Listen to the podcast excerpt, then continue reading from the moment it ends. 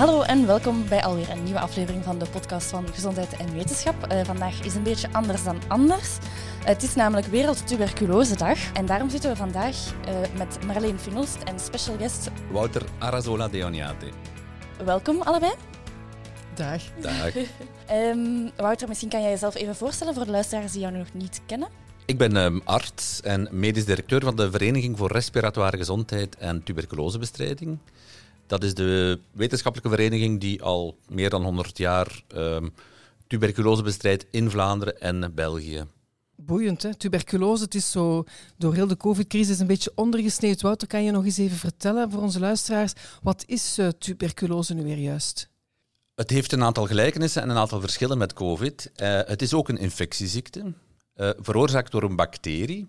Het wordt ook overgedragen door de lucht, hè, door die fameuze bekende aerosols ondertussen, de druppeltjes die in de lucht blijven hangen. Uh, het tast ook de longen aan. Hè. Meestal is het een longziekte. Het kan ook andere organen aantasten, maar is dan um, niet besmettelijk en wat minder gevaarlijk voor volksgezondheid. Hoe, uh, ja, hoe verloopt die ziekte en wat kunnen we daar, uh, hoe kunnen die mensen behandeld worden? Hoe gaat dat? De ziekte verloopt doordat de bacterie zich um, vermenigvuldigt. Hè. Ze zit in de longen, die gaat haar longweefsel opeten. En dat wordt alleen maar erger en erger. En uiteindelijk is er ademhalingsnood en, en sterft men uh, een vreselijke verstikkingsdood bijna. Of soms wordt een bloedvat aangevreten en bloedt men ze zeg maar leeg in de longen. Mm-hmm. Heel erg onprettig. Gelukkig gebeurt dat zo goed als niet meer. En dat is het groot verschil tussen virussen en bacteriën. Tegen bacteriën hebben meestal tot nu toe toch nog afdoende antibiotica. Dus de behandeling bestaat uit een cocktail van vier antibiotica. Mm-hmm. Uh, dat is zes tot negen maanden lang. Dat is, dat is een heel erg vervelende behandeling. Mm-hmm. Voor iedereen, ook voor ons. Laat staan voor iemand die ook nog honderd andere sociale problemen op zijn lijst ja. heeft staan. Ah, ja, dus die mensen moeten effectief zich, allee, therapie trouwens zijn en hun medicatie ja. nemen. En dat is het probleem. Zeker in die kwetsbare groepen, ja. dat men die pillen niet, of er niet aan denkt door andere problemen en zo. Ja, dus dat moet nou worden opgevolgd. Dat is ook een van de taken, denk ik, van dat jullie team, onze... van de VRGT. Ja, dat doen inderdaad onze verpleegkundigen. Die gaan de, die mensen die het nodig hebben, hè, ja. Uh, mm-hmm. begeleiden, motiveren, uh, regelmatig op huisbezoek gaan, wekelijkse pillendozen vullen, uh, telefoontjes, sms'jes, whatsappjes, alle ja. mogelijke snufjes om... Je moet ze overtuigen van het enorme belang die behandeling te nemen. En als die mensen hun behandeling goed nemen, dan genezen ze ook helemaal van tuberculose? Het grootste deel wel, ja. 98 procent. Mm-hmm. Ja. ik zeg het verkeerd. 98 procent van onze gevallen zijn nog uh, gevoelig aan de antibiotica. 2 procent in België is al wat, wat we noemen multiresistent. Dus resistent aan die eerste lijns antibiotica. Oké. Okay. Dat, is een probleem. dat zijn dat varianten van die tuberculosebacteriën? Inderdaad, exact hetzelfde. Dat zijn gemuteerde bij, bacteriën, ja. dat ja, is een variant. Ja. Mm-hmm. In België is dat een klein probleem, maar in de rest van de wereld, uh, Sub-Sahara-Afrika, Oost-Europa toch ook, is dat een extreem groot probleem en toenemend. Mm-hmm. En waarom is dat een groot probleem? Omdat men dan moet gaan overschakelen op wat we noemen tweede lijns antibiotica. Mm-hmm. Uh, die hebben hele vervelende nevenwerkingen. Die moeten nog veel langer ingenomen worden, tot 24 maanden, twee jaar. Um, er zijn wat nieuwere medicijnen, maar die zijn ook ja, die zijn extreem duur geprijsd. Mm-hmm. Um, en het is extreem uh, ja, moeilijk voor de patiënt om die hele langdurige behandeling met ook nog eens hele vervelende nevenwerkingen vol te houden. Mm-hmm. Dat duurt dan nog langer, ja, inderdaad. Nu, bij COVID, we, weten, mensen, we weten het nu allemaal, je kan besmet, besmet worden, je bent niet altijd ziek, maar je kan het dan nog wel doorgeven, de coronavirussen. Hoe zit dat met uh, tuberculose? Dat zijn bacteriën. Kan je ook uh, ziek worden zonder klachten en ben je dan besmettelijk? hoe zit dat? Ja, het is inderdaad zo dat je bij COVID meestal wel besmettelijk bent. Uh, na een besmetting met de tuberculosebacterie zou je kunnen zeggen ben je meestal niet besmettelijk. Of toch Aha. niet onmiddellijk. Okay. Net omdat 90% van de mensen die besmet raakt, die zullen nooit ziek worden. Die dragen de bacterie in zich. We noemen dat latente tuberculose-infectie. Ehm, die bacterie is er wel, maar die doet niets. Die tast de longen niet aan. En dan is men dus ook helemaal niet besmettelijk zelf. Ah ja, is het belangrijk om te weten dat je een latent geïnfecteerd bent met tuberculose? Is dat de... Dat is belangrijk om te weten, want ehm, ja, iedereen, we weten niet wie, maar iedereen heeft 10% kans om toch nog die uh, tuberculose te ontwikkelen. We kunnen latent geïnfecteerden een preventieve therapie geven met één antibioticum gedurende mhm. zes maanden. Mhm. En waardoor die kans veel minder groot wordt om ooit echt actief ziek te worden. Want dat is het probleem. Als die mensen die latent uh, besmet zijn en die hun weerstand vermindert, dan kunnen die toch plots tuberculose krijgen, hè, denk ik. Ja. Dat is een, een, probleem als je dat dragen, die bacterie draagt. Hoe vaak komt het eigenlijk nog komt het voor bij ons? Heb je daar een uh, cijfers over? Of heb je daar een idee van? Hoe groot is het? Ja, Hoeveel mensen met tuberculose zijn er op, in België bijvoorbeeld? Eh, tot voor 2019 was dat ongeveer net onder de duizend nieuwe gevallen per jaar. En in 2020 waren dat er 860. Het is een hele oude ziekte. Ehm, zo, bijna zo oud als de mensheid zouden we kunnen zeggen. Er zijn sporen gevonden bij de Egyptenaren in de mummies. Um, en daardoor heeft het een oudbollig imago en denken veel mensen dat het een ziekte is die in België niet meer voorkomt, terwijl dat eigenlijk niet waar is. er is nog steeds tuberculose. Tuberculose is nog nooit weg geweest in België. Ehm, wij proberen het nu wat meer onder de aandacht te krijgen, waardoor wel eens de perceptie ontstaat dat er weer een terug op een, een heropkomst is van tuberculose, maar ook dat is niet waar. De cijfers zijn nog altijd dalende en we hebben nog nooit zo weinig tuberculose gezien als, uh, als, als vorig jaar. Dat is alvast uh, positief. En die goede cijfers die hebben we te danken aan een streng screenings- en preventieprogramma. Hè? Hoe zit dat uh, in elkaar? Het is inderdaad een, een, de standaard aanpak met alle elementen die een goede preventiestrategie uh, behoort te hebben. En dat gaat inderdaad van screening en testing, maar dus ook de, het beruchte contactonderzoek en brononderzoek. Uh, met een preventieve therapie die kan gegeven worden bij besmette mensen. En dan uh, voornamelijk heel snel een goede diagnostiek en behandelen. Want na twee, drie dagen behandelen is de besmettelijkheid verdwenen. Zijn er een aantal uh, parallellen te vinden met COVID-19? Want dat hebben we de voorbije jaren was er niks, niks anders te horen qua preventiemaatregelen. Is er vaccinatie bijvoorbeeld? Hoe zit het? Kunnen, mensen zich laten vaccineren tegen tuberculose? Ja, dat is een goede vraag. Er bestaat inderdaad een vaccin, maar dat is al 100 jaar oud.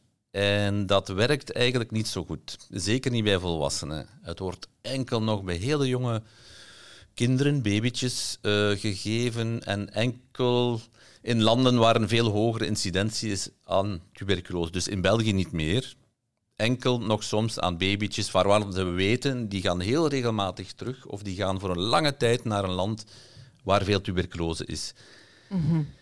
Dat is een opvallend verschil met uh, hoe snel we voor COVID een nieuw vaccin hadden. En wij vragen al tiental, nou, tientallen jaren voor een nieuw tuberculosevaccin en dat komt er maar niet. Mhm. Omdat er net in het rijkere Westen, waar de beslissingen genomen worden, geen aandacht meer is voor die ziekte. Terwijl het wereldwijd eigenlijk nog steeds de meest dodelijke infectieziekte is uh, die er bestaat. Ja, dat is niet oké, want het zou wel kunnen, denk ik, hè, wetenschappelijk, dat er een, uh, een aangepast vaccin komt. En zie je daar in de nabije toekomst verandering in komen? Misschien dankzij de COVID-crisis, wie weet? We hopen, we hopen dat zeker. En we hebben ook, er bestaan wel wat uh, pleitbezorgingsgroepen, zoals een, het internationale Stop TB Partnership. En daar zetten we druk op uh, regeringen, overheden, uh, donoren, om veel meer te investeren in research en development en voornamelijk ook van een, een nieuw vaccin. En mhm.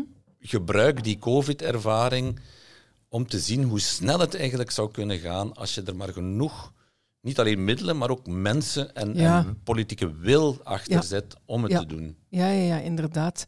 Zeg, die, onze, de, allee, onze, de, de, coronacrisis, ja, het is al zo vertrouwd dat we zeggen onze coronacrisis. De coronacrisis heeft ook een invloed gehad op de tuberculosecrisis.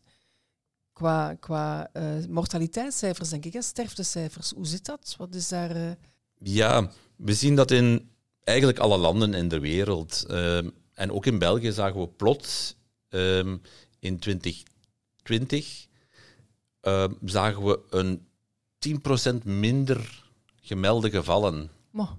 En dan dachten we, zijn we ook gaan overleggen met andere landen. En dat is zeer waarschijnlijk niet een reële daling van het aantal gevallen, ah. maar dat is gewoon uh, gevallen die of niet ontdekt zijn of niet gemeld mhm. zijn aan, de, aan de infectieziektebestrijdingsagentschappen. Mm en dat komt dan omdat mensen ja, soms schrik hadden om tot bij de dokter te gaan. de dokters of eerste lijns huisartsen waren overbezet. Uh, er werd in eerste instantie heel, heel, terecht en begrijpelijk aan COVID gedacht en voor COVID getest. Ah, ja. Eh, als men dan in het ziekenhuis ging, dan was er ook daar een focus op COVID en heeft men tuberculose vaak wat vergeten als mogelijkheid. Oeh, dus het zou kunnen dat men echt tuberculosegevallen over het hoofd heeft gezien, door de, omdat men altijd maar focust op die COVID en het zijn gelijkaardige klachten, longklachten, kortademigheid, hoesten, koorts. Ja, het zijn oh, zeer gelijkaardige klachten en het is dus, ik zei het al, heel begrijpelijk dat men daar dan ja, in, in die hectiek en het, de, over, de beruchte overbelasting van de zorg, dat is daar Een, een, letterlijk een nevenwerking van. Och.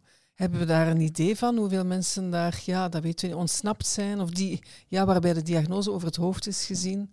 Moeilijk te achterhalen, neem ik aan. Moeilijk te achterhalen. We proberen daar wel uh, met man en macht uh, naar te zoeken door mhm. extra waakzaam te zijn en te blijven. Mhm. En ook te vragen aan, aan huisartsen bijvoorbeeld dat ze opnieuw weer extra waakzaam blijven en tuberculose in hun uh, diagnostisch kader houden als mogelijke, mogelijkheid uh, bij bepaalde klachten en bepaalde risicogroepen. Het wordt nog te vaak gezien als een vergeten uh, infectieziekte. Hè. Nu, voor tuberculose zijn er een aantal risicogroepen. Hè. Wat, wie, zijn, wie zijn eigenlijk de risicogroepen voor deze infectie? Ja, we zien dat iemand die besmet raakt en die in principe een gezond lichaam heeft en een gezond salaris, waardoor hij een gezonde levensstijl kan aanhouden, dat hij relatief weinig kans maakt om uh, echte actieve tuberculoseziekte te ontwikkelen. Die kans is 10 procent. Uh, de risicogroepen zijn mensen die ja, niet die middelen hebben. Dus echt... Niet dat gezond salaris, is een belangrijke factor. ja. ja, dus sterk aan kansarmoede gelinkt. Uh, en alle groepen die uh, te weinig inkomen hebben, gaande van daklozen, thuislozen, uh, intraveneuze druggebruikers, ook door het druggebruik dan, migranten uit hoge incidentielanden, waar tuberculose nog veel vaker voorkomt en die hier natuurlijk geen inkomen mogen hebben. En daardoor een immuunsysteem dat wat, wat, wat minder goed tegen die bacterie kan dat is inderdaad een, een, problematische groep, denk ik, die de weg ook niet goed kent naar onze gezondheidszorg. Hè. Hoe, hoe, moeten ze, hoe moeten die mensen dat nu dan vinden? Hoe komen die uh, bij jullie terecht, in de juiste centra terecht?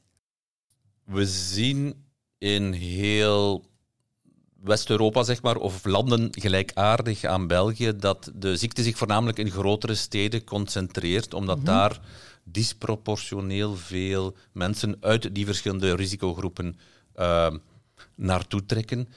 En wij proberen dat via zeer laagdrempelige en gratis gezondheidszorg, gratis gezondheidscentra in die steden, waar mensen uh, gratis terecht kunnen voor screening, voor informatie, voor ondersteuning, voor motivatie tijdens de therapie. Uh, en we trekken ook actief uit, een soort outreach naar, naar de risicogroepen met onze uh, dienstverlening om daar informatiesessies te geven over klachten en symptomen, over wat de mensen zelf moeten doen als ze denken, oei, oh dit zou wel eens tuberculose kunnen zijn. Waar kan ik hier gratis en makkelijk en... Ehm, ja, zonder dat ik de juiste papieren heb, toch medische hulp krijgen eigenlijk. Ja. Inderdaad. En dat is een kostenefficiënt programma, zeg maar, want daardoor gaan de mensen zich wel laten behandelen, waardoor de besmettelijkheid stopt. Moest je dat mhm. niet doen, dan blijft die epidemie uh, um, zich verder en verder zetten. En dan is het uiteindelijk duurder voor de maatschappij om dat niet te doen. Ja, ja, zo krijg je dat, uh, die tuberculose wat onder controle. Nu, die mensen van die risicogroepen, hebben die ook een meer ernstig ziektebeeld of een grotere kans om ernstig ziek te worden? Ja, net doordat ehm, ze nog honderd andere problemen op hun probleemlijst Ah, ja. hebben staan. Een soort comorbiditeit, alleen meerdere Ook aandoeningen. comorbiditeit, met een eh, eh, alcoholgebruik, Ja. roken, Ja, ehm, ehm, nu, tumoren en bijvoorbeeld HIV, dat sowieso het immuunsysteem aantast, is Ja. ook een risicofactor. Ja. Ehm, dus de letsels zijn daarbij eh, meestal wel sneller en groter dan bij mensen die wel goed gezond kunnen Ja. leven. Ja. Het wordt wel ernstiger of ze hebben misschien meer risico op eh, complicaties, maar eh, vaak omwille van andere bijkomende gezondheidsproblemen. Laten we het zo zeggen. Oké. Ja. Zijn er, wat kunnen we doen om eh, tuberculose voor goed te laten verdwijnen? En, en is dat überhaupt mogelijk? Dat zou mogelijk moeten zijn, inderdaad. Wij hebben meegewerkt aan een, aan een eliminatiestrategie van de Wereldgezondheidsorganisatie. Mhm. Eliminatie wil niet zeggen eradicatie. Dat wil zeggen dat de tuberculose geen groot volksgezondheidsprobleem meer is Ah, ja. in heel de wereld. Oké, dat is eliminatie. Dat is eliminatie. De Verenigde Naties, hè, daar heeft België ook een verdrag ondertekend in 2018, eh, waarin ons land belooft om daar wat meer eh, moeite voor te doen.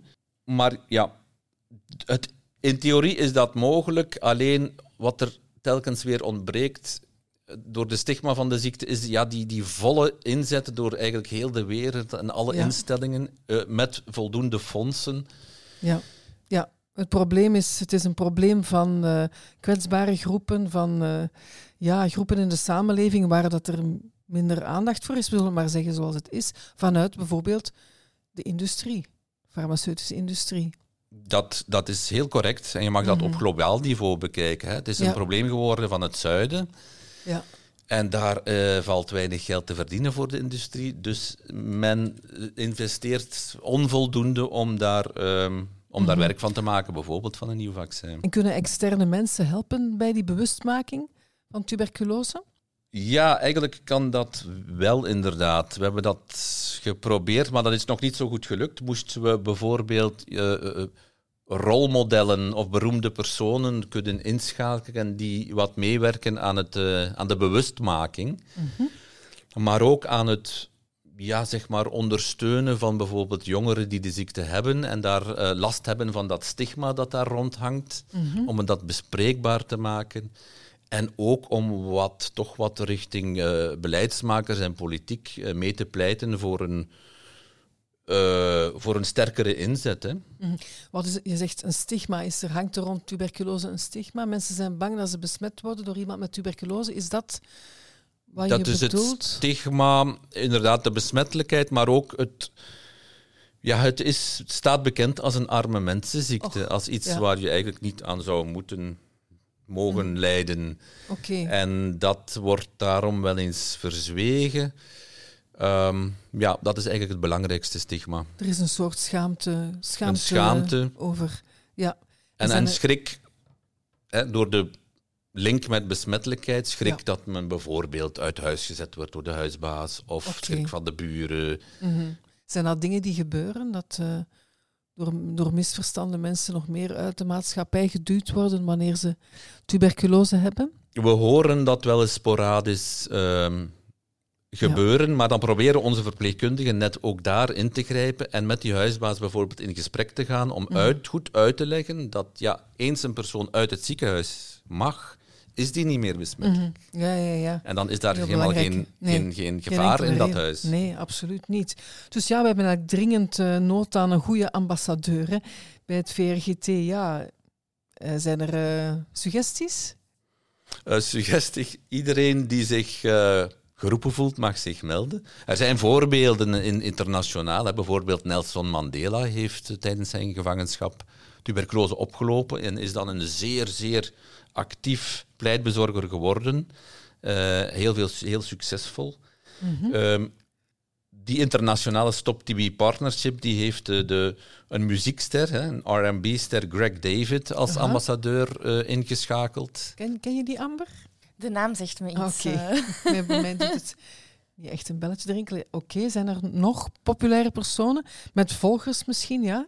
Ehm, een ander voorbeeld, uh, even denken, ja, de Miss Zuid-Afrika, Oh, Tamarin. Green, heeft zelf tuberculose gehad, is dan arts geworden Ideaal als en heeft ambassadeur. haar Ja. titel en uitstraling heel ehm, intens ingezet voor die bewustmaking en voor die pleitbezorging. Mhm.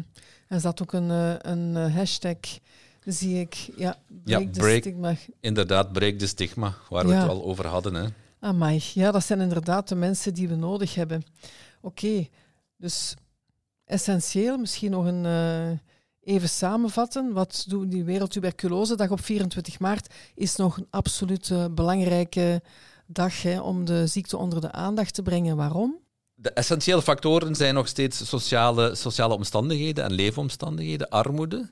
Ja. En ook om het in leven houden van de kennis en de, de hulp die er bestaat Ja. eh, voor tuberculosepatiënten en het breken van het, eh, het, Ja. breken, het, het verwijderen van het stigma rond de ziekte, zodat het bespreekbaar wordt en mensen niet uit schrik hun ziekte niet gaan melden. Oké, dat is, eh, ja, dat gaan we, we gaan ons, ons, allen ons best doen om daar zeker voldoende aandacht aan te besteden, ook vanuit gezondheid en wetenschap. En het is geweldig dat er eh, verenigingen zijn, of een vereniging zoals het VRGT, waarvan u directeur bent. Dankjewel, Wouter Arazola Dianiati. Graag gedaan.